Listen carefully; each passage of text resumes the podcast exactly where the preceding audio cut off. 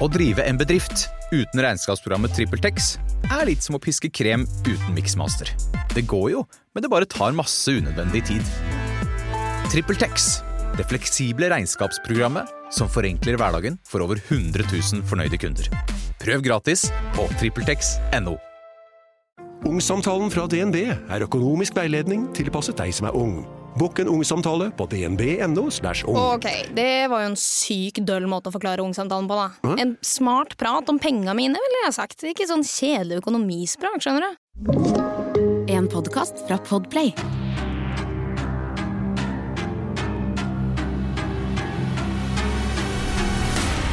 Hei og velkommen til Forsvinningsfredag podcast. Denne episoden kan være veldig skremmende for enkelte lyttere, så dersom du er yngre eller sensitiv, så vil jeg anbefale deg å lytte til episoden med en voksen du stoler på, eller skru av. Dette er saken om Tyler Hadley. Før vi går inn i saken, så må jeg igjen be deg om å ta advarselen i begynnelsen av episoden på alvor, da det her er en veldig forstyrrende sak om en tenåring som gjorde ting tenåringer absolutt ikke skal gjøre. Jeg syns det er ganske vanskelig å forstå meg på saken, og jeg er egentlig veldig interessert i å høre hva du tenker om den saken her. Så om du har noen eh, tanker og meninger, så gjerne send det inn til meg på Instagram, der jeg heter Forsvinningsfredag. Aller først vil jeg fortelle deg litt om familiesituasjonen til Tyler Hadley. Tyler og familien hans kommer fra en by i Florida som heter Port St. Lucie. Dette er da en kystby som ligger ganske midt imellom Miami og Orlando. Foreldrene til Tyler, nemlig Blake og Mary Joe Hadley, var noen av de som slo seg ned i den byen her da den fremdeles var i utvikling, og det ikke bodde like mange der som hva det gjør nå. Så vi kan trygt si at det her var mennesker som var ekstremt lokale, ettersom de flytta der så tidlig som i 1983, for å bo da nærmere foreldrene til Blake. Begge foreldrene hadde også veldig trygge og fine jobber, hvor faren, eller da Blake, jobba som ingeniør, mens moren, altså Mary Joe, jobba som lærer på en barneskole. Begge foreldrene blir også beskrevet som veldig fine og gode mennesker, og Mary Joe spesifikt ble forklart som en dame som alltid hadde troa på elevene sine, og alltid var veldig støttende. Likevel så slet også Mary Jo mye med sin psykiske helse, og fikk påvist kronisk depresjon allerede som tenåring, og denne diagnosen fulgte hun da selvfølgelig også langt inn i hennes voksne liv. I 1987 føder Mary Jo sitt aller første barn, nemlig Ryan. Seks år senere kommer hovedpersonen i den historien her til verden, altså Tyler. Egentlig var oppveksten og barndommen til disse gutta helt fantastisk, og egentlig var det ingenting som skulle tilsi at den skulle være noe annet enn det heller, frem til Tyler blir ca. seks år gammel. Det er nå han, i likhet med moren sin, begynner å slite veldig med psyken, og viser faktisk så tidlig som det her mange tegn på depresjon. Dette her gjør at han da blir sendt i behandling, og han blir da ikke sendt til en faktisk psykolog, men en person som kan ligne litt på en sosiallærer eller en rådgiver da, i skolesammenheng. Dette her var jo da selvfølgelig i håp om at han skulle unngå å få diagnosen påvist, og at han skulle bli bedre, men dette hjalp dessverre veldig lite. Det her er også helt sykt å tenke på, men Tyler Hadley ble faktisk tildelt medisiner for de psykiske problemene sine allerede som tiåring, deriblant antidepressiva. Jeg vil gjerne høre meningene deres rundt det her, egentlig, for jeg syns personlig det er ganske sjukt å gi medisiner av den typen der til et så ungt barn, samtidig som det selvfølgelig er mange faktorer og detaljer rundt det her som ikke nødvendigvis er offentlig. Som sagt, hvis du har noen tanker og meninger rundt dette her, så send det inn til meg på Instagram. Som 15-åring får Tyler også tildelt medisiner for ADHD, så på det tidspunktet her så er vi jo oppe i ganske mange medikamenter for et så ungt menneske. Generelt sett var Tyler til tross for problemene sine et relativt fornøyd barn som i det store bildet blir definert som en egentlig helt vanlig fyr. Som 16-åring får han imidlertid påvist enda en diagnose, nemlig bulimi. Det var virkelig ingen tvil om at livet til Tyler fra starten av har vært veldig vanskelig, og han er ikke akkurat tildelt de beste kortene i livet. Broren hans på den andre siden blir ikke påvirket av noe som helst av det her kaliberet i verken oppveksten, i tenårene eller i sitt voksne liv. Jeg tror virkelig ikke det finnes noe tydeligere kontrast mellom to brødre enn hva det var mellom Ryan og Tyler. Tyler fikk liksom alle ulempene han kunne fått tildelt. Det skjer imidlertid en endring i Tyler etter at han har fylt 16 år. Egentlig så hadde han på det punktet her et veldig godt forhold til foreldrene sine, men det er nå det endrer seg, både på hjemmebane, men også i skolesammenheng. Som jeg nevnte, var jo Tyler generelt sett en veldig sånn glad fyr til tross for diagnosene sine, men samtidig hadde han alltid vært en veldig stille og rolig gutt som ikke sa så mye med mindre han var nødt til det. Etter han da fylte 16, ble han imidlertid en helt annen person. Nå virka det som han alltid ønska å få oppmerksomhet omtrent hele tida, og kunne f.eks. begynne å le kjempehøyt under forelesning på skolen, som blir beskrevet som helt unormalt for Tyler, og noe som folk begynte å bemerke seg veldig. Også foreldrene til Tyler bemerker seg den endringen her, så nå begynner de å være ekstra strenge med han. Som 16-åring så begynner Tyler også å utforske mer og mer hvilke grenser som finnes der ute. For eksempel så var det en situasjon hvor han og noen venner satte fyr på en sofa midt ute i et naturreservat, som jo selvfølgelig kan være livsfarlig både for dem selv og for folk rundt. Her måtte faktisk brannvesenet tilkalles, for det var en risiko for at det kunne starte en skogbrann eller lignende. Spesielt tatt i betraktning at det her var i Florida, som generelt har et veldig sånn tørt og varmt klima. Guttene slipper utrolig nok unna med en advarsel for det her, men på hjemmebane så føler foreldrene til Tyler at de nå mister kontrollen på han, og de skjønner ikke lenger hva de skal gjøre for å hjelpe han. Hva er det som har skjedd med sønnen deres? Ting begynner å balle på seg enda mer etter hendelsen i naturreservatet. Tyler får nå tildelt enda flere medisiner, bl.a. en ny variant av antidepressiva, samt noen piller som skulle hjelpe han mot angst. Han begynner også nå å utforske ulike rusmidler, både alkohol og narkotika.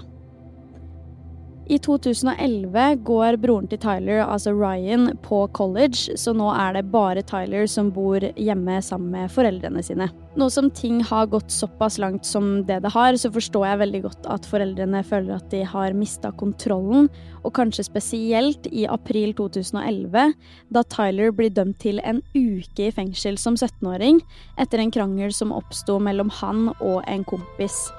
Nå høres det ut som at ting virkelig bare begynner å gå nedover og eskalerer inn i ting som begynner å bli både ulovlig og skikkelig, skikkelig skummelt. 16.07.2011 er dagen ting virkelig skal skje.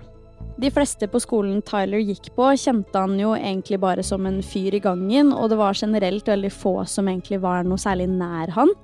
De som imidlertid kjente han, hadde fått høre hele uka at Tyler planla å ha en fest hjemme hos seg den kommende helgen.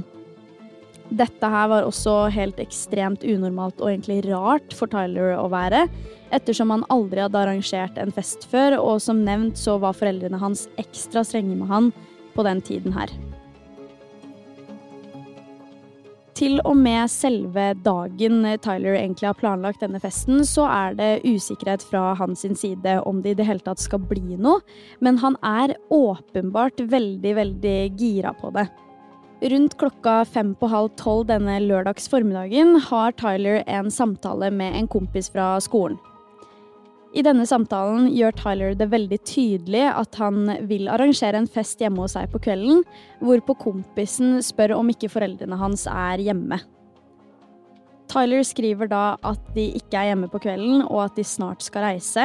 Og det kommer ingen detaljer om hvor de skal eller lignende, han forklarer kun at de skal bort. Da klokka blir kvart over ett denne dagen, så poster Tyler et innlegg på Facebook-siden sin hvor han skriver 'Fest hos meg i kveld'. Kanskje. Dette blir jo da naturligvis prata om blant elevene fra skolen, og det er ingen som tror på at det her skal skje i det hele tatt, for som sagt så var jo dette her veldig unaturlig. Det er ikke før klokka blir kvart over åtte på kvelden at han oppdaterer vennene sine på Facebook nok en gang. Nå skriver han at det er fest hos han, og oppfordrer også folk til å sende han en melding for å få adressa. Selv etter denne statusoppdateringa så er det mange som stiller seg kritiske og skeptiske til det her, nettopp fordi dette var så langt utenfor hva folk i det hele tatt hadde forventa av Tyler. Og det er faktisk flere som spør etter foreldrene hans også. En jente ved navn Ashley spurte faktisk Tyler hva om foreldrene dine kom hjem, hvorpå Tyler hadde svart at det gjør de ikke, stol på meg. Generelt sett så var det egentlig aldri noen ting som foregikk i Port St. Lucie i det hele tatt, og dette her var jo en varm sommerkveld, så folk som var på den festen her, har fortalt at det egentlig var hele grunnen til at de dukka opp, for som sagt så var det stort sett ingen som faktisk kjente til denne Tyler-fyren. Folk begynner uansett å dukke opp rundt halv tolv på kvelden 16.07.2011. Og da Tyler åpner døra, har de som kom forklart at han så veldig åpenbart rusa ut på noe. Og man mistenker da ecstasy. De som da sto i døra, har forklart at øynene hans var veldig store og hvite, pupillene veldig store, og så gned han sammen hendene sine veldig mye. Det første han hadde sagt da de kom, var også at han ikke ville at noen skulle røyke inne, for dette var jo tross alt huset til foreldrene hans. La oss bare si det sånn at den festen her tok helt av. Det var rundt 60 tenåringer der, og ikke en eneste en av de brydde seg egentlig om noe som helst. Glass ble knust, folk ble så fulle at de ramla over sofaer og bord, noen spilte beer pong på kjøkkenbordet, og generelt var ting bare helt kaos. Som nevnt hadde jo Tyler sagt at han ikke egentlig ville at noen skulle røyke inne, men på et tidspunkt så bare slutta han å bry seg, så da gikk han rundt og sa til alle sammen at de egentlig helst bare skulle være inne, og også at de kunne røyke inne likevel. Tyler begynner nemlig nå å bli litt bekymra, for dersom han fikk noen naboklager f.eks., så var det jo en sannsynlighet for at noen ville ringe politiet, og det var det siste han ville. En veldig interessant samtale som skjer underveis på festen, er at en venn av Tyler tuller med at han lukter døde mennesker. En av de eldre guttene som var der, spør da denne kompisen i en litt mer seriøs tone hva det skal bety, mens denne vennen av Tyler trekker seg da tilbake med en gang og forklarer at folk røyker jo inne, og at det egentlig bare var det. Akkurat den samtalen der starter nok også en liten rykteflom inne i huset, for plutselig er det en eller annen som sier 'Oi, han drepte foreldrene sine', etterfulgt av masse latter fra de som sto rundt. Folk spør nå også Tyler hvor foreldrene hans egentlig er. Naturligvis, egentlig, da, ettersom at han plutselig kunne ha hjemmefest, i tillegg til at folk hadde tulla med at Tyler hadde drept dem. Det ekle her er at Tyler nå svarer ulike mennesker helt forskjellige ting. Noen får høre at de er i Georgia, andre får høre at de ikke engang bor i huset der, og at dette faktisk er Tyler sitt hus, mens noen andre igjen får høre at de er i Orlando. Det er én situasjon jeg beit meg merke i da jeg leste og gjorde research på den saken her, rett og slett fordi det er en situasjon som potensielt kunne redda det kommende utfallet av saken. Det var nemlig en av Tylers venner, nemlig Marky Phillips, som ikke hadde muligheten til å komme på festen som Tyler arrangerte denne kvelden. Dette var en venn Tyler egentlig hang veldig mye med, så de to var veldig gode venner. To uker før festen hadde de to også da vært sammen hjemme hos Marky, og det er den situasjonen her som seriøst gir meg gåsehud på ryggen. De var da hjemme hos Marky, som sagt, og underveis i en samtale hadde Tyler sagt på blodig alvor at han ville drepe foreldrene sine og deretter arrangere en fest. Han forklarer videre at det hadde vært helt sykt å gjøre fordi det ikke er noen som noen gang har gjort noe sånt før, altså da å drepe noen og deretter ha en fest, mens likene fremdeles er i huset. Dette hadde visstnok vært en gjennomgående greie i tiden før den festen her, og antageligvis var det også mye av grunnen til at det ble noe folk tulla med på den festen. Det var nemlig ikke bare Marky som hadde fått høre av Tyler at han snakka om å ta livet av foreldrene sine. Men det var aldri noen som faktisk trodde på han, for hvorfor skulle han gjort det, og i tillegg sagt det høyt i forkant? Alle tenkte jo da naturligvis at dette her bare var tull og oppspinn, men jeg tror vel egentlig ingen av dere blir særlig sjokkerte om jeg sier at dette skulle vise seg å bli en virkelighet til slutt. Mellom klokka halv ett og kvart over ett på natta kommer de siste menneskene til festen, og spesielt en av dem hadde lagt merke til en forferdelig lukt i huset.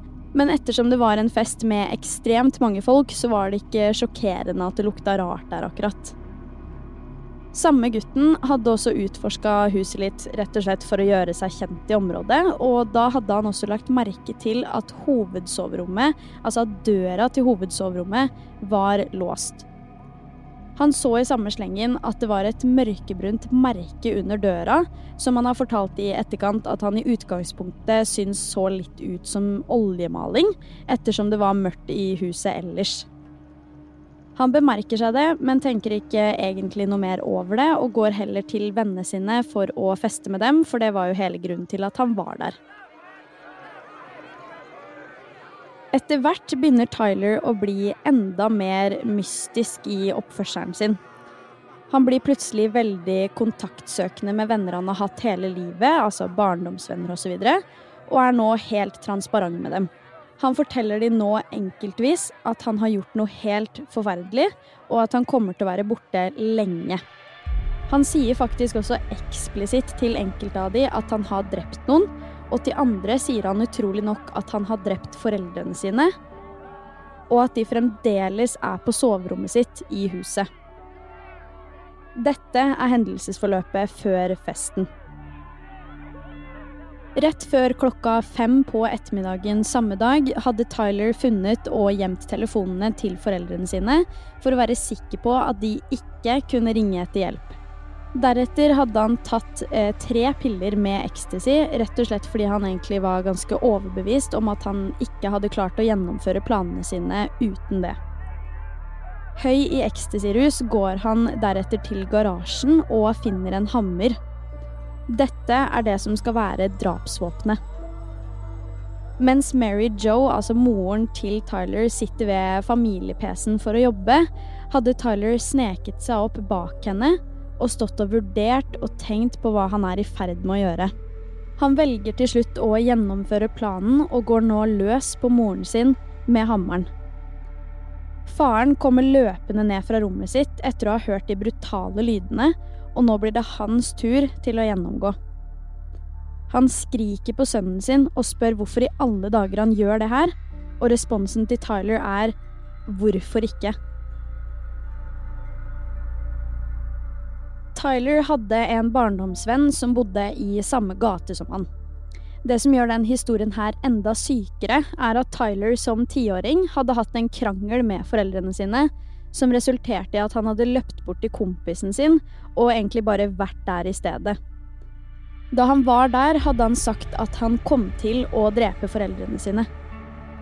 På denne tiden var det jo da ingen som reagerte noe særlig på det, for kompisen hadde nemlig svart at alle foreldre kommer til å irritere barna sine, og etter hvert som Tyler klarte å roe ned sinnet sitt, så ble han også enig etter hvert i det kompisen hans sa. Jeg skal jo ærlig si at jeg syns det her er veldig trist og egentlig sykt å tenke på i ettertid, spesielt når vi vet hva som faktisk skjedde bare noen år senere. Tyler Hadley ender opp med å bli behandla i retten som en mindreårig fordi han var 17 år gammel i gjerningsøyeblikket.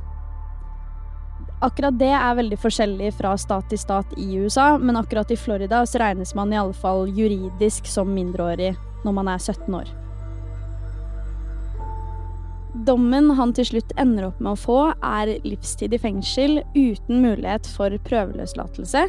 Men i desember 2018 blir han vurdert på nytt og får dermed tildelt enda en livstidsdom. Men denne gangen har han mulighet for prøveløslatelse. Tyler Hadley sitter nå i Okeechobee eh, Correctional Institution, og der kommer han også til å sitte en stund. Jeg er som sagt veldig interessert i å høre hvilke tanker du har om den saken her, både rundt dette med medisiner i såpass ung alder, men også rundt saken i sin helhet. Så dersom du har noen tanker og meninger, så send det inn til meg på Instagram, der jeg igjen heter Forsvinningsfredag. Du har hørt Forsvinningsfredag podkast med meg, Sara Høydahl, og dersom du vil høre om flere true crime-saker, så kan du også sjekke meg ut på YouTube. Der heter jeg Sara Høydahl. Utenom det så kommer det en helt ny Forsyningsfredag podkast-episode allerede neste fredag, og i mellomtiden, ta vare på deg selv.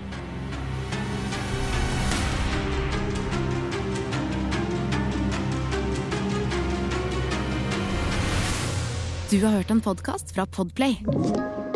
En enklere måte å høre podkast på. Last ned appen Podplay eller se podplay.no. Kiwi er billigst i VGs matbørs og har vært billigst i fire av de fem siste VGs matbørser. Og nå presser vi prisen på påskevarer fram til 1. april. På 240-250 gram assortert Moro potetgull presser vi prisen fra 32,90 helt ned til 24,90. På assorterte 250 ml Cevita og Bendit-smoothies presser vi prisen fra 1990 helt ned til 12,90 pluss pant. For det er vi som er prispresserne.